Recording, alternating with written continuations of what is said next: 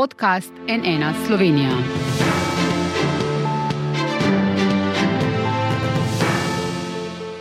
Dobro dan, to je NN studio. V dneh, ko se približuje začetek izvajanja zakona o evidentiranju delovnega časa, sprejet je bil sicer že aprila, predtem pa tudi usklajen s socialnimi partnerji, je med delodajalci zavrelo. Novi, novi način tako imenovanega štempljanja delavcev je neizvedljiv in neživljenski, je bilo slišati in naposled so temu prikimali tudi v delu koalicije. Inšpektorat za delo je poostren nadzor nad tem z ponedeljka zamaknil na začetek novega leta a vlada zakona kljub številnim kritikam in pozivom, da naj to stori, ne bo zamrznila.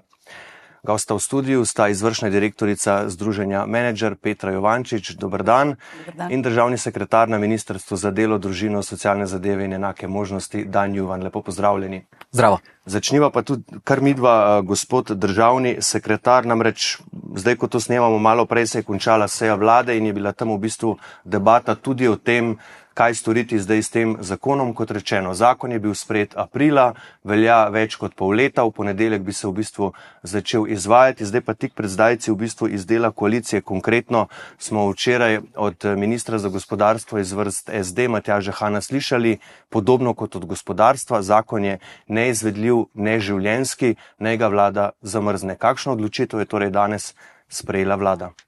Eh, prvi bi rad pokomentiral, da je med delodajalci završalo. Eh, zakon je v usklajevanju bil na ekonomsko-socialnem svetu, torej tudi pri delodajalcih, kar tri mandate. Bomo, bomo to še razumeli. Ampak hočem samo reči, da je to zadnje, kar se je zgodilo seveda, danes bo, bo, na vladi. Pridem do tega. Okay.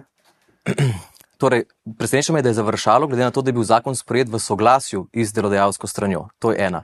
Uh, informacije, ki so očitno prišle do vas, so bile uh, dezinformacije, ker zakona ena tehnično ni mogoče kar zamrzniti iz en dan na drugi. In drugi da, danes je informacija, da ne bomo šli v kakršnokoli zamrnitev tega zakona, da začne v ponedeljek veljati. Inšpekcija bo do novega leta nekoliko stopila nazaj in pomagala predvsem pri svetovanju. Prav tako pa bomo na ministrstvu odprli poseben e-mail, evidence. Uh, afnamds.si, kjer bomo naslednje tri mesece zbirali pripombe z terena, odzive, težave v praksi in poskušali te težave nasloviti. Vkolikor bo pa res prišlo do situacije, kjer so kakšne določbe neizvedljive, čeprav glede na to, da so bili toliko časa v usklajevanju, to težko verjamem. Uh, Je obstaja možnost, da tudi, seveda, življenjsko pristopimo k kakšni spremembi, če je ta potrebna. Ampak ni bilo pa, ne, ker mi smo včeraj pri več različnih virih potrdili, da je bil v koaliciji praktično že spred dogovor, da se ta zakon zaradi neživljenskosti novelira. Torej, sam po sebi se v tej točki še ne bo noveliral, najprej boste počakali in videli, kako bo dejansko v praksi potekalo izvajanje in nadziranje tega zakona. Neposredno od ministra informacija to ne drži. Uh mhm. -huh. Da bi bil tak dogovor na koaliciji. In kaj pred ponedeljkom torej sporočate delavcem in delodajalcem, glede na to, da inšpekcija zdaj tega še ne bo začela poostreno nadzirati v ponedeljek, ampak z novim letom?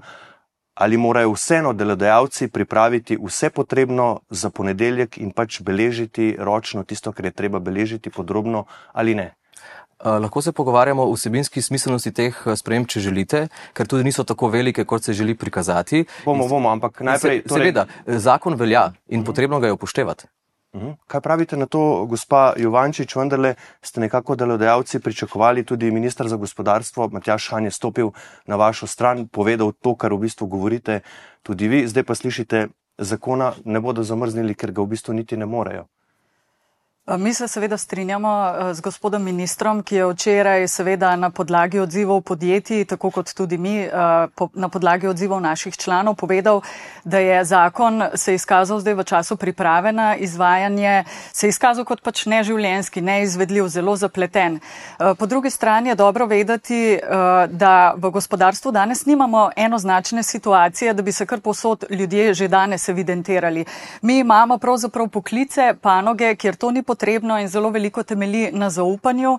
In če smo si do zdaj delodajalci pa delojemalci na, uh, določenih, v določenih podjetjih ali po določenih panogah zaupali, uh, bo zdaj potrebno uh, sejiti evidentiranje na minute, ker nam ne zaupa država.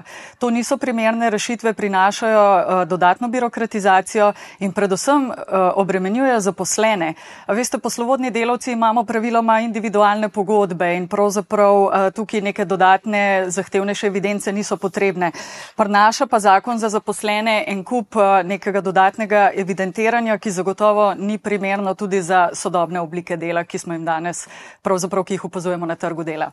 Ampak bom tudi vam postavil to vprašanje, kako to, da je v bistvu tak vihar šele zdaj, tik pred zdajci, preden bi se zakon začel izvajati, kot rečeno, sprejet je bil aprila, septembra lani je bil usklajen na ekonomsko-socialnem svetu. Eh, predstavniki delodajalcev so takrat rekli, zdaj citiram predstavnika delodajalcev Mitijo Gorenščka, zakon je sprejemljiv za vse. Eh, govorili so, eh, da je v bistvu to ni nič takega, da se evidence vodijo že, že itak vse čas. Torej, kako to, da ste v zrak skočili, če tako rečem, šele zdaj?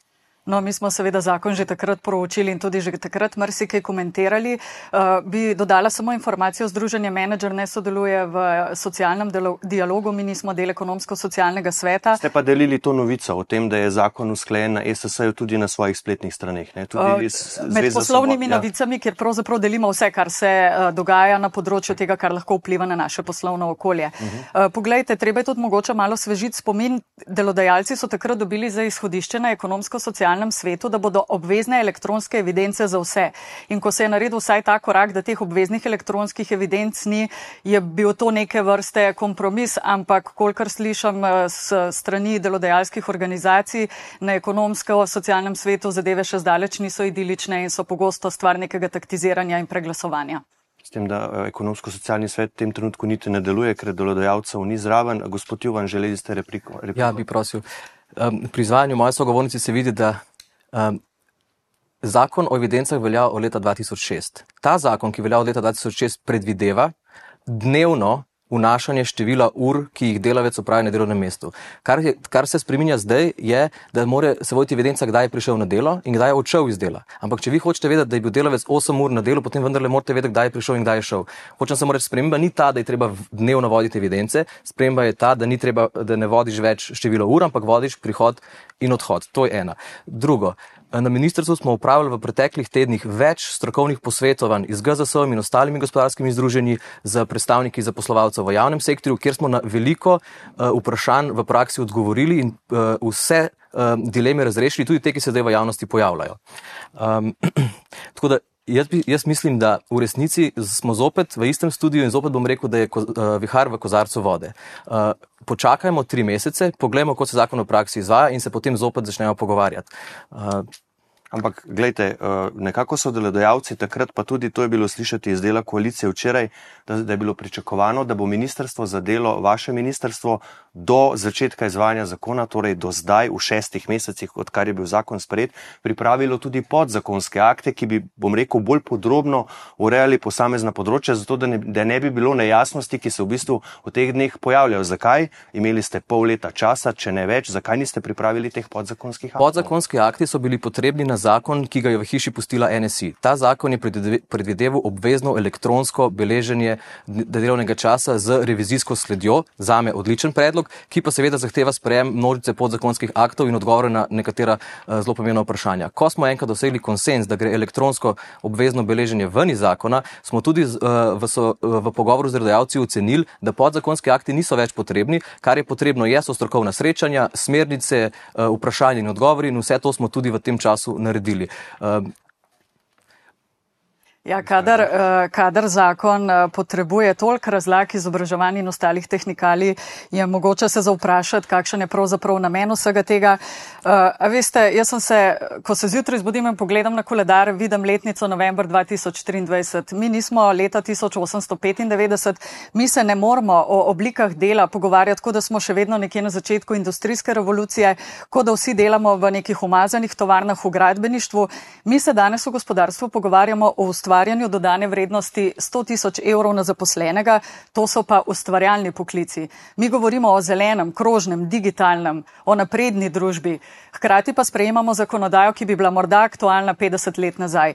In sedanja ureditev je bila povsem v redu in uh, ta nova zahteva uh, blazno, uh, mislim, veliko več nekih novih evidenc in na nek način predstavlja državno mikromenedžeranje, ki ne bo prineslo nobenega učinka.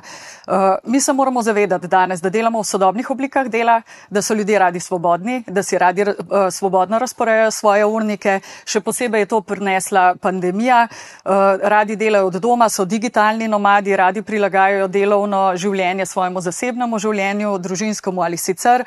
Skratka, zakaj te svobode ne bi postili in zahtevamo, da evidentirajo praktično vsako minuto. Mi v gospodarstvu tudi že dolgo, do, dober vodja, dober gospodarstvenik vodi ekipo na podlagi rezultatov, ne na podlagi minut prisotnosti. Kako odgovarjate na ta izziv? Nažalost, velika večina delavcev ne živi te realnosti. Večina uh, delavcev in nekateri sektori so zares problematični, uh, upravljajo neplačene nadure, se jim ne šteje um, ure, ki so upravljene niti v plačo. Zakaj pa niste potem samo te sektore reševali? Zakaj ste v bistvu čez vse Kot smo, kot smo pojasnjevali, je zakon o evidencah krovni zakon. Področni zakoni lahko določene izjeme predvidijo, kot je na zadnjem predvidel tudi zakon o visokem šolstvu. Um, Zakon o visokem šolstvu, torej izjema so visokošolski učitelji, izjema so že v osnovi funkcionarji, torej tudi vi, gospod Juvan, gospod državni sekretar, se ne boste rabili štempljati niti poslanci, niti ministri, niti predsednik vlade. Ali to pomeni, da boste glede na potrebe uh, dodajali nove izjeme po področnih zakonih? Kako boste zdaj to reševali, glede na to, da niso samo visokošolski učitelji, niso samo funkcionarji, pa ne bom zdaj našteval, ne bom posebej omenjal novinarskega posla, ki se mi zdaj očitno, ne, da, da se tudi mi ne moremo uh, tako organizirati dela, so tu gostin, gostinstvo, turizem, uh, sezonski, sezonski poklici nasploh, družinska podjetja, uh, torej to, tudi to, kar je omenjala gospa Jovančič. Kako boste zdaj te primere reševali z dodajanjem izjem? Če, boste, če bo lahko gostinski sektor utemeljil, glede na številne kršitve, ki se dogajajo v, na področju delovnega časa, zakaj uh, vsebinsko uh, potrebujejo izjemo, se seveda da o tem pogovarjati, ampak jaz močno dvomim, da lahko utemeljite, zakaj v gostinstvu, kjer prihaja do številnih uh, zlorab in izkoriščanj, je nemogoče uh, povedati, kdaj pride na takar kuhar uslužbenec v službo in kdaj iz te službe gre. Dokler imamo zakon o delovnih razmerjih, stoletno um, že za sto let zacementirani 40-urni delovnik in dokler gospodarstvo noče pristati niti na to, da bi lahko delodajalci prostovoljno določili 30-urni delovni čas, potem težko sprejemam tako v resnici progresivne, uh, progresivna stališča na področju uh, nadzora. Preveč progresivna stališča, gospod Ivančič? Uh, poglejte, ne gre pravzaprav za prihod in odhod na delo, gre za natančen prihod na delo, ne ob 8, ampak 8 nič 3 minute in natančen odhod z dela. Gre za evidentiranje vseh odmorov in tako dalje. Ampak to z izjemami, to je zelo tipično slovensko. Mi sprejemamo najprej nek zakon, zato da probamo rešiti nek, neko težavo s kršitelji. In potem gremo definirati izjemo na izjeme. In vedno se nam dogaja, da potem to omogoča en kup nekega motoviljenja in ribarjenja v kalnem. Mi tudi ne moremo reševati problema kršiteljev na način, da zgorjačo udarmo po celotnem gospodarstvu. Kršitelje se rešuje v okviru pravne države in to je sedanja zakonodaja že zelo dobro omogočala.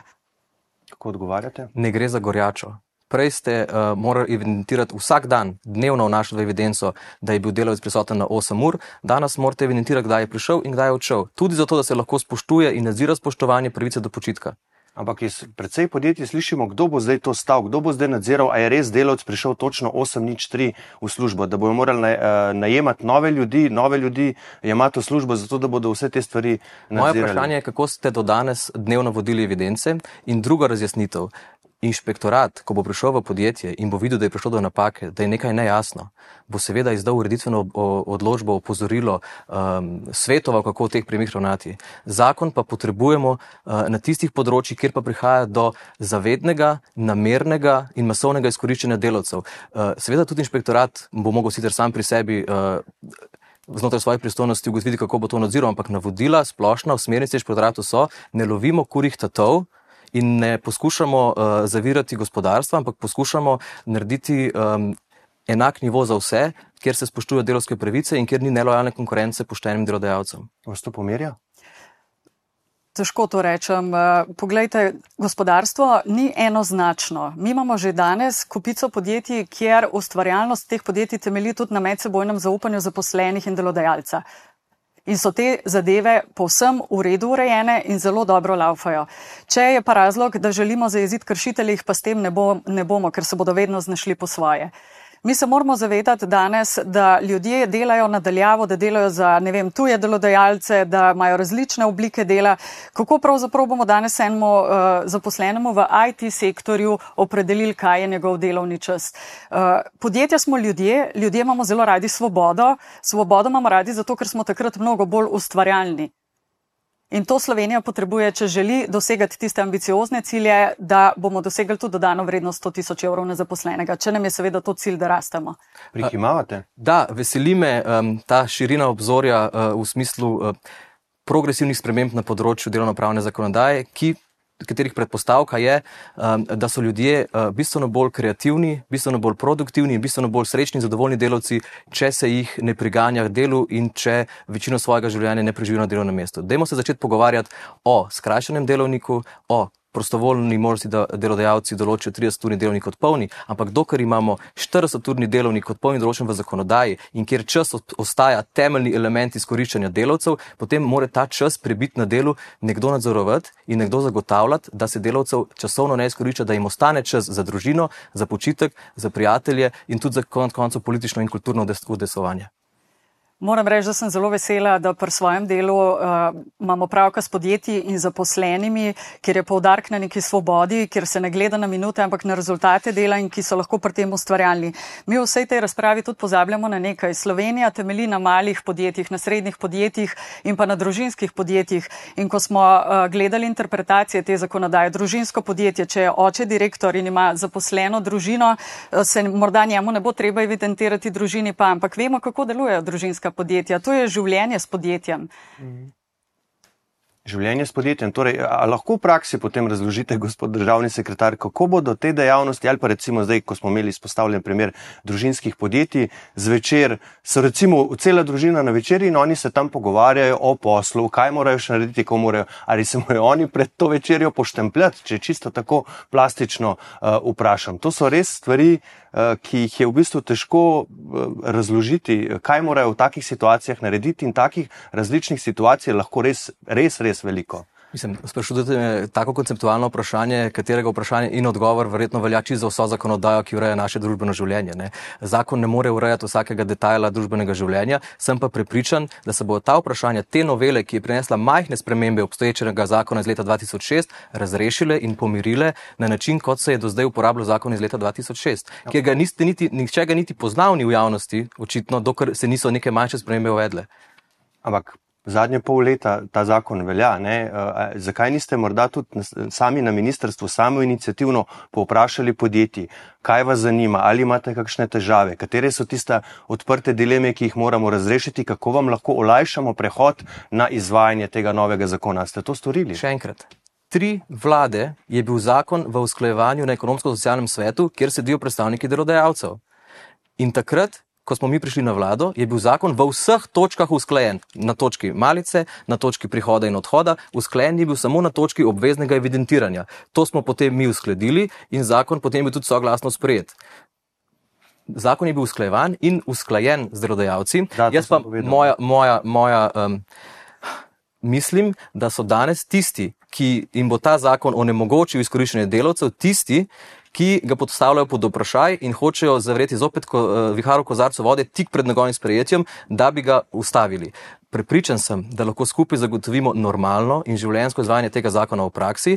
Zato bomo odprli tudi eh, e-mail naslov uh, na Ministrstvo za delo, kjer bomo tri mesece zbirali pripombe in vkolikor se bo res izkazalo, da gre za iskrene in dobre pripombe, ki niso povezane z interesom, jih bomo seveda tudi upoštevali v morbitni noveli. Nismo ja. tukaj zato, da uh, zamorimo življenja delavcev in delodajalcev, ampak zato, da vzpostavimo red. Najbrž težko zdaj prejudicirate, ampak če vas vprašam, kaj boste poslali na ta e-mail, gospa Jovančič? Eh, zbrali bomo podatke naših podjetij in kaj jih pri tem muči. Seveda je to spet birokracija na birokracijo. No, ne smemo pozabiti, v naši državi imamo preko 900 veljavnih zakonov, preko 20 tisoč veljavnih predpisov. Imamo dolge, zapletene, drage, nerazvozljive administrativne postopke in tako dalje. In mi produciramo nov zakon na nov zakon in si pravzaprav nenehno otežujemo situacijo na področju konkurenčnosti Slovenije. Mi danes delujemo v globalno konkurenčnem okolju. Mi moramo biti primerljivi navzven. Enostavno ne pustimo podjetjem dihati in tukaj bo zagotovo treba razmislek narediti, kako državo administrativno razbremeniti. Kar se pa tiče ekonomsko-socialnega sveta, pa kot že rečeno prej, daleč od tega, da bi bila zadeva tako zelo usklajena in tako zelo konsenzualna, kot pač pove gospod. Jaz hočem reči, da smo vse te tehničnih. Um tehničnih vprašanjih, ki se danes pojavljajo, upravili veliko, veliko razprave pred današnjim dnem. In veliko stvari zaprli in pridobili soglasje delodajalcev. Vkolikor bi res šlo za tako nemogoče izvajanje v, v, v praksi, ne vem, kako je možno, da bi delodajalci na to ne opozorili, ko je bil zakon poslan na vlado, sprejet na vladi, sprejet v državnem zboru in da je šele, šele danes je tako katastrofalna, navidezno katastrofalna situacija, uh, ko je bil pa vendarle usklajevan tri vlade in soglasno sprejet uh, pri delodajalcih. No, mi seveda smo uh, že takrat upozarjali, da, je, uh, da prinaša zapleteno birokracijo in da je neživljenski, uh, tako da absolutno ta informacija ne drži. Bi vas Bi vas to vprašal še mogoče, gospa Jovančič, ker so se danes oglasili tudi v Zvezi svobodnih sindikatov. Ostro so seveda nasprotovali temu, da bi vlada eh, izvajanje tega zakona zamrznila, seveda ga tudi uh, ne bo. Spomnili so tudi oni na to, da je bil zakon usklejen na ESS. In se zdaj sprašujejo, ali imajo predstavniki delodajalskih organizacij, članic ESS, izredno kratek spomin ali pa se zgolj sprenevedajo. Pravica do urejenega delovnega časa, 40-urnega delovnega tedna, pravica do počitka, odmora so temeljne človekove pravice. Prav pri uresničevanju te temeljne človekove pravice je po uradnih podatkih inšpektorata za delo v zadnjih letih ogromno kršitev strani delodajalcev, opozarjajo sindikati. Kako odgovarjate na to? Očitno ta problem vendarle obstaja. Eh, poglejte, kršitelji so bili in kršitelji bodo. Nihče ne polemizira uh, s, tem, da, uh, s tem plemenitim ciljem, da zaščitimo delavce. Uh mhm. -huh. Tudi mi danes z delodajalci delamo na tem, da morajo biti v podjetjih zdravi, dobri odnosi. Ne na zadnje imamo hud demografski pritisk. Danes je pomankanje delovne sile praktično vse posod in to predstavlja velik pritisk na delodajalce. Je relativno uh, hitro se lahko uh, zamenja službo dan današnji. Uh, Eh, tako da, kar se samih sindikatov tiče, pa mogoče tole. Uh, Poslovodni delavci, ki imamo individualne pogodbe, nam pravzaprav ta zakon ne prinaša nekih obremenjujočih evidenc, prinaša jih pa za zaposlene. Sindikati zastopajo zaposlene. Problem je v tem, da se mi preveč pogovarjamo o poklicih, nekih starodavnih poklicih za tekočim trakom, za neko umazano proizvodnjo. Mi danes živimo neko povsem drugo realnost. Sodobni poklici so nekaj popolnoma drugega in svoboda je že bila pri delovanju in si jo mrsikdo želi tudi v prihodnje, ne da bomo mikromenedžerani na minuto natančno. Torej, svoboda, če prav razumem, je bila očitno že prej, zdaj ko je pa svoboda med drugim na oblasti, pa levica, pa SD, pa tega ni več, ali kako? Ne vem točno, kje je bila svoboda prej. Zakon o evidencah, ki velja od leta 2006, velja za vse delodajalce, za vse v delovnem razmerju od leta 2006. Torej, tukaj do sedaj ni bilo izmen, uh, izjem. Seveda, konceptualno se lahko pogovarjamo o tako imenovanih avtonomnih, heteronomnih uh, načinih dela. Avtonomni tam, kjer si sam postavljaš pravila, sam moraš izpolniti projekt do nekega konca, in pa tam, kjer imamo heteronomno, to pomeni, da nam uh, drugi dajo navodila. Ne? Zakaj pa najprej tega ne uredite, pa potem? Tukaj, tukaj gre za konceptualno vprašanje, ki ga je težko zaobjeti v nekem zakonu o evidencah. Hočem samo reči, da da razlike na trgu obstajajo, kot sem pa prej rekel, je pa realnost večine delavcev na trgu je klasična. Delodajalec je tisti šef, odreja navodila uh, in ljudje so večinoma v klasičnih delovnih razmerah. Seveda obstajajo panoge z dodano vrednostjo, um, manjša podjetja, prebojna uh, um, in tako naprej, uh, ki imajo mogoče različne načine dela in jaz verjamem, da glede na to, kakšna znanja in kakšna kreativnost v teh podjetjih je pri kadru, da bojo zagotovo preko mobilne aplikacije, preko raznih sistemov zagotovo zagotovili, da z enim klikom na telefon poveš, kdaj si začel delati in kdaj si končal delati. Mislim, da to ni nepremostljiva težava za tako prebojne ume, ki jih imamo v gospodarstvu. Ja, delodajalci pa poročajo, da morajo za takšne rešitve, kot jih zdaj vi omenjate, čakati dva meseca. Ne? Zakon se pa začne uporabljati od ponedeljka naprej. Ne razumem. Tu imajo težavo. Torej, te rešitve uh, digitalne, ki jih omenjate, niso izvedljive za vse delodajalce, ker morajo čakati dva meseca, da sploh lahko pridejo do njih. Toliko časa traja, ker je zdaj tak naval zaradi tega zakona in torej v praksi to ni ravno izvedljivo. Zakon uh, je bil sprejet več kot dva meseca nazaj v državnem zboru, se je vedelo, da se bo začel uporabljati. Aprila je bil sprejet. Um, no, več kot dva meseca nazaj.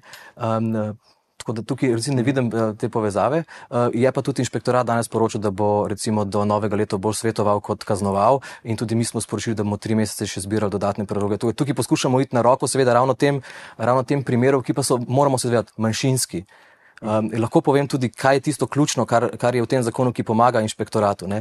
To, da se bo iz evidence, da bo razvidno referenčno obdobje, to je ključno. Tukaj je prišlo do velikih zlorab. To, da bo delavec obveščen za pretekli mesec o izrabi njegove delovnega časa in da lahko na tedenski ravni zahteva oziroma pridobi avtomatično pogled v evidence uh, in pa da mora biti bolj jasno določena hramba evidence. Mi se soočamo na terenu, kjer kršitelji, uh, za katere vsi vemo in se z helikopterja vidi, da delavci delajo tam po 200, po 300 ur, ko pride IRSD tja, enostavno evidence ne dobi v roke, ker se bolj splača zadržati evidenco, plačati kazen, kot pa da bi se iz te evidence videlo, da so ljudje delali 300 ur in potem bi recimo tuje podjetja tudi izgubilo recimo pravico do zaposlovanja tujih delavcev in tako naprej. Zdaj, če bo prišlo do takih kršitev, bo tak delodajalec dobil obvezno elektronsko beleženje delovnega časa kot sankcijo za dve leti. Hkrati lahko delavci, združeni v sindikat, predlagajo delodajalcu, da so razmere takšne in takšne in da zahtevajo obvezno elektronsko beleženje, torej delavci sami zaradi lastnega interesa in vkolikor bo delodajalec to zavrnil, bo mogel v tej zavrnitvi obvestiti tudi IRSD.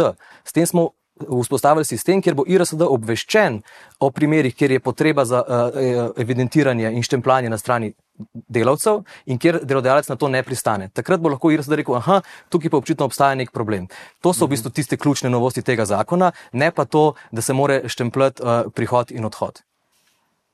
Gospod zelo rad govori o kršiteljih in o nekem vsesplošnem zadovoljstvu zaposlenih, kar seveda ne drži. Eh, mi imamo preko 1200 članov dnevno obiskujem podjetja, mi imamo krasna slovenska podjetja, ki so izvozniki, na katerih temelji eh, pravzaprav naše gospodarstvo. In mi ne delamo drugega na državni ravni kot to, da jim nalagamo nova in nova bremena. In naveste za neko klimo v družbi tudi ne pomaga, da se vse obravnava kot nekakšne kriminalce, da se to posplošuje.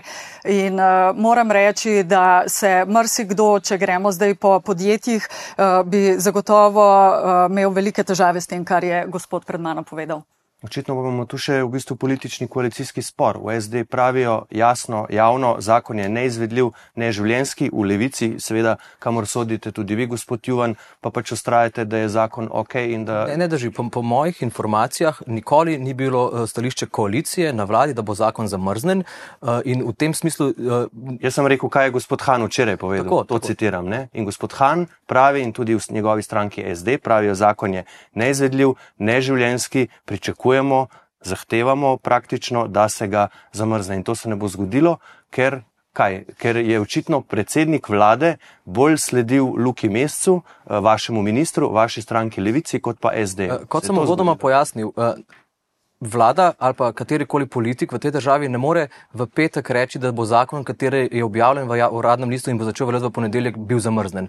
Za zamrznitev zakona potrebuješ seveda zakonodajni proces in glasovanje v parlamentu. Torej ta ideja, da bo zakon zamrznjen, je tako ali tako v praksi neizvedljiva. Kar smo zdaj poskušali priti nasproti, je ravno to. Inšpektorat bo do novega leta uh, bolj svetoval kot kaznoval in v naslednjih treh mesecih bomo intenzivno zbirali pripombe iz terena in tisti, ki so iskrene in dobre namerne, bomo poskušali seveda tudi v največji možni meri upoštevati. Ampak prosim, če lahko praksi razložite še to. Ne? Zdaj, če bo inšpektorat po novem letu začel hoditi na okolje in gledati te evidence, najbrž bo gledal evidence za, za tudi za nazaj, za, za obdobje od tega ponedeljka naprej, ko so pač ta nova pravila uveljavi. In zdaj seveda vprašanje tako za, za delodajalce, kot tudi za delavce. Od ponedeljka naprej naj delajo vse tako, kot novi zakon določa in torej uh, to morajo storiti. Mislim, uh, ta zakon bo veljal. In uh, rekel bi, da delodajalci ne poskušajo ta zakon uh, seveda tudi v praksi upoštevati, vendar je to zakonska obveza in zakon je treba v tej državi upoštevati. Um, Hoteli smo torej, da ga ne bodo mogli, ne, ker številni pravijo, da ga ne bodo mogli izvesti, da ga ne bodo mogli spraviti v življenje. Uh, jaz tukaj to razumem tudi kot neke vrste interesne in tudi politične pritiske v zadnjih dveh. Uh, kot sem rekel, uh, naše ministrstvo je imelo številno strokovna izobraževanja, svet, kot pri vsakem zakonu, ki jih ima, kadar se ta v, zak, v prakso upravlja, kjer smo odgovorili posame, na posamezne probleme, posameznim delodajalcem in uh, delodajalcem v, v, v, v javnem sektorju, kako uh, rešiti nekatere težave, ki se pojavljajo v praksi.